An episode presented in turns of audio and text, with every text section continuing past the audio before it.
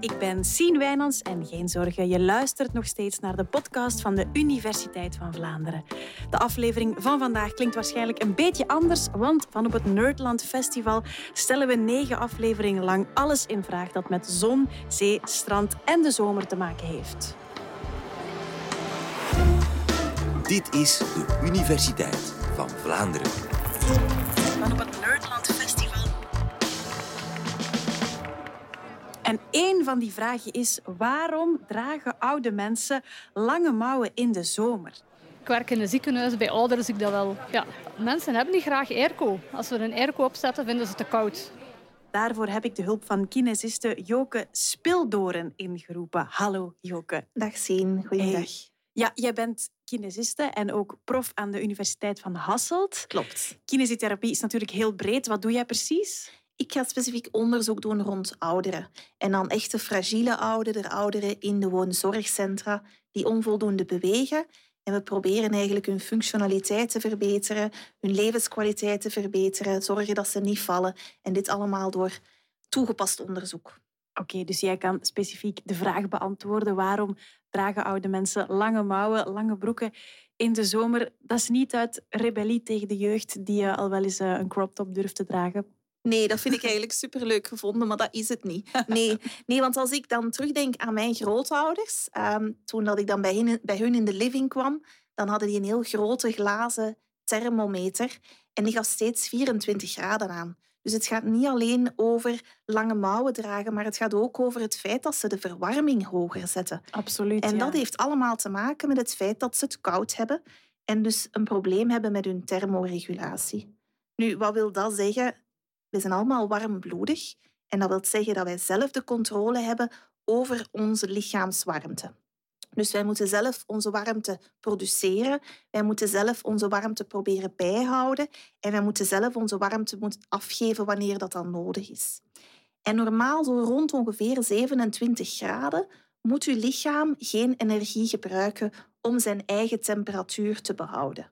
Maar stel dat je bijvoorbeeld onder de 23 graden zit, ja, dan moet uw lichaam eigenlijk energie produceren om de temperatuur te doen stijgen, uw lichaamstemperatuur te kunnen behouden.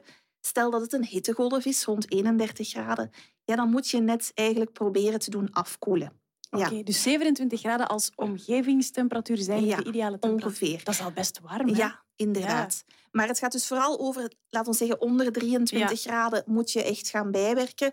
Of boven de 31 graden moet je echt gaan zorgen voor die afkoeling. Ja, ja, ja. Ehm, en, en ouderen kunnen dat minder goed dan jongeren. En ehm, bij ouderen ligt zelf hun licha- lichaamstemperatuur 0,7 graden eh, lager dan bij jongeren. En daardoor dat ze dus ook sneller koud hebben.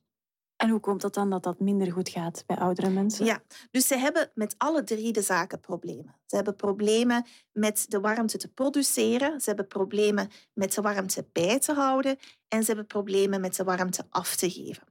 En dat eerste, dat warmte produceren, daarvoor gaan we eigenlijk terug naar het middelbaar. Uw lichaam bestaat uit verschillende cellen. Al die cellen die bestaan ook nog een keer eens uit verschillende organellen en elk organel heeft een aparte functie. En een van die organellen zijn uw mitochondriën. En die hebben als functie om energie te produceren. En die komen dus heel veel voor in uw hart of in uw skeletspieren, uw gewone spieren, om te bewegen. En eigenlijk zijn die mitochondriën een soort van oventjes.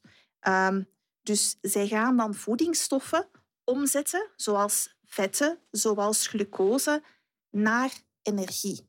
En dat doen zij door verbranding. En daarbij komt dus warmte als een extra bijproduct vrij. Ja. En dat is enkel als je beweegt. Dan ga je die warmte produceren, omdat dan eigenlijk die oventjes gaan werken. Dus zit je in de winter op een bank buiten, dan heb je het koud. Ga je in de winter buiten joggen, dan zou dat kunnen dat je dat toch met een korte broek of korte mouwen doet. Maar dat geldt eigenlijk voor elke leeftijd. Dat geldt voor Ja. elke leeftijd. Zij het natuurlijk niet dat ehm, het verschil met ouderen is dat als je 30 jaar bent, dan heb je heel veel spiermassa. En vanaf je 30ste, en helaas zit ik daar zelf ook al boven, ga je 1% van je spiermassa per jaar verliezen. Dus met andere woorden, mensen van 80 jaar zijn de helft van hun spiermassa kwijt. minder spiermassa wil dus ook zeggen minder van die oventjes, Oventjes, Ja, ja, ja. om warmte te produceren. En het gaat niet alleen over het feit dat je dan minder spiermassa hebt, maar daarnaast gaan de mensen ook, naarmate dat ze ouder worden, minder bewegen. Ze zitten te veel. En daardoor gaan die oventjes ook niet werken. Ja, ja, ja. Ja, dus oudere mensen kunnen minder goed warmte zelf produceren. Maar niet alleen dat. Als ze dan die warmte produceren, kunnen ze die ook minder goed bijhouden. Dat is een tweede probleem. Oké. Ja, en daar zijn verschillende manieren waarop dat wij warmte bijhouden. De eerste is via ons haar. Kijk maar naar uw huisdieren. Die hebben een grote vacht, een dikke vacht. Die hebben helemaal geen jas nodig. Maar als wij ouder worden, dan hebben we haarverlies. En die kaalheid maakt dat je zo eigenlijk minder isolatie hebt en minder bescherming tegen afkoeling. Maar gaat het dan specifiek over hoofdhaar of over heel je lichaam? Ook bij de rest van Ja. je lichaam ga je wel wat haarverlies hebben, maar je ziet het natuurlijk Ja. voornamelijk bij het hoofdharen. En dat zie je ook bij babytjes. Pasgeboren babytjes krijgen vaak een mutsje op, omdat ze op dat moment ook nog niet veel haar hebben. En er dus heel veel lichaamswarmte via het hoofd dan bijvoorbeeld weggeraakt. Ja. Oké. Dus dat is een eerste probleem van veroudering. En het tweede is uw huid. Uw huid is ook een soort van isolatie. Normaal heb je dat je onder je huid heb je, ehm, heb je vetweefsel, net onder de huid. En dat is een soort van isolatie. Daarnaast zit er in je huid collageen, elastine, waardoor dat als jij dit doet, als je zo knijpt in je arm, dan gaat onmiddellijk die arm terug plat worden. Maar bij een ouder iemand ga je eigenlijk, wanneer je knijpt in die arm, dan gaat die huid veel moeilijker terug vlak komen. Doordat die Mhm. minder elastisch is, dat daar ook minder onderhuidsvet is. Ja. En dat wil dus ook zeggen dat zij minder isolatie hebben. De perkamentenhuid, zoals ze wel eens De zeggen. perkamentenhuid, daar ga ik het inderdaad straks nog eens over hebben. Oké. Ja, ehm, maar dat maakt dus minder isolatie. En dat wil zeggen dat elke keer dat uw bloed naar uw armen gaat en net onder de huid doorstroomt, dat het bloed gaat afkoelen en dat je terug kouder bloed hebt dat naar het hart gaat. En Ja. zo gaat uw lichaamstemperatuur uiteindelijk dalen. Nu, er is nog een probleem met, ehm, met de huid. In uw huid zitten huidsensoren. En dat maakt dat je kan registreren of het te koud of te warm is buiten. En die sensoren die zijn in minder groot aantal aanwezig bij ouderen en die zijn ook veel minder gevoelig. Mhm. Waardoor dat de huid veel minder snel kan ehm, de hersenen op de hoogte brengen van het feit dat het te koud of te warm is, waardoor dat de hersenen minder snel in actie kunnen treden. Oké. Dus dat is ook al een probleem. En ik heb daar dan meteen een vraag over, want om die warmte te produceren kan je natuurlijk meer bewegen, maar kan je ook iets doen om die warmte bij te houden of heb je daar geen invloed op? Dus inderdaad, daarnaast kunnen uw bloedvaten ook gaan vernauwen. Dus we hadden het over de bloedvaten net onder uw huid. Daar gaat er heel veel afkoeling gebeuren als het bloed daar doorstroomt. Dus het mechanisme van het lichaam is om die bloedvaten te laten vernauwen, specifiek in de armen, in de benen, net onder de huid, om zo minder afkoeling van het lichaam te krijgen. Ehm, kijk maar bijvoorbeeld naar een alpinist. Mhm. Als die bovenop een berg het heel koud begint te krijgen, dan gebeurt wel dat iemand dat een teen afvriest of dergelijke. Dat is omdat op dat moment het lichaam de vitale organen veel belangrijker vindt, wil zorgen dat het hart en de longen en dergelijke heel warm blijft en daardoor minder bloed naar de extremiteiten of uw ledematen stuurt, maar dat dat wel kan afsterven en veel kouder heeft. Dus Ja. dat is een mechanisme, maar ook daar zitten we weer in de problemen bij ouderen, want die bloedvaten kunnen veel minder goed vernauwen dan bij de, bij de gewone volwassenen.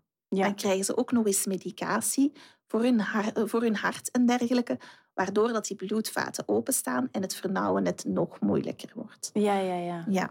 En je sprak daarnet over dus drie parameters die moeilijker gaan bij ouderen. We hadden al warmte produceren, warmte bijhouden en dan is er nog een derde. Ja, de warmte afgeven. De warmte Als het nu ja. echt te warm is, 31 graden meer, een hittegolf, dan moeten we natuurlijk proberen ervoor te zorgen dat onze lichaamstemperatuur niet meer omhoog gaat en dat we dus een deel van de lichaamstemperatuur terug gaan afgeven. Ehm, en dat doen wij door te zweten. Mhm. En ik ga eens uitleggen hoe dat, dat zweten werkt. Je mag eens even gewoon op je handpalm blazen. Oké. En nu mag je... Ik ga je vragen om nu op je handpalm even te lekken.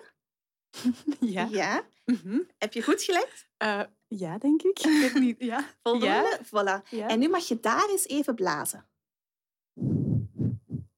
Ja. Welke keer was het het koudste? De tweede keer. De tweede ja, keer. Ja. En zo werkt zweten. Want uw huid wordt vochtig.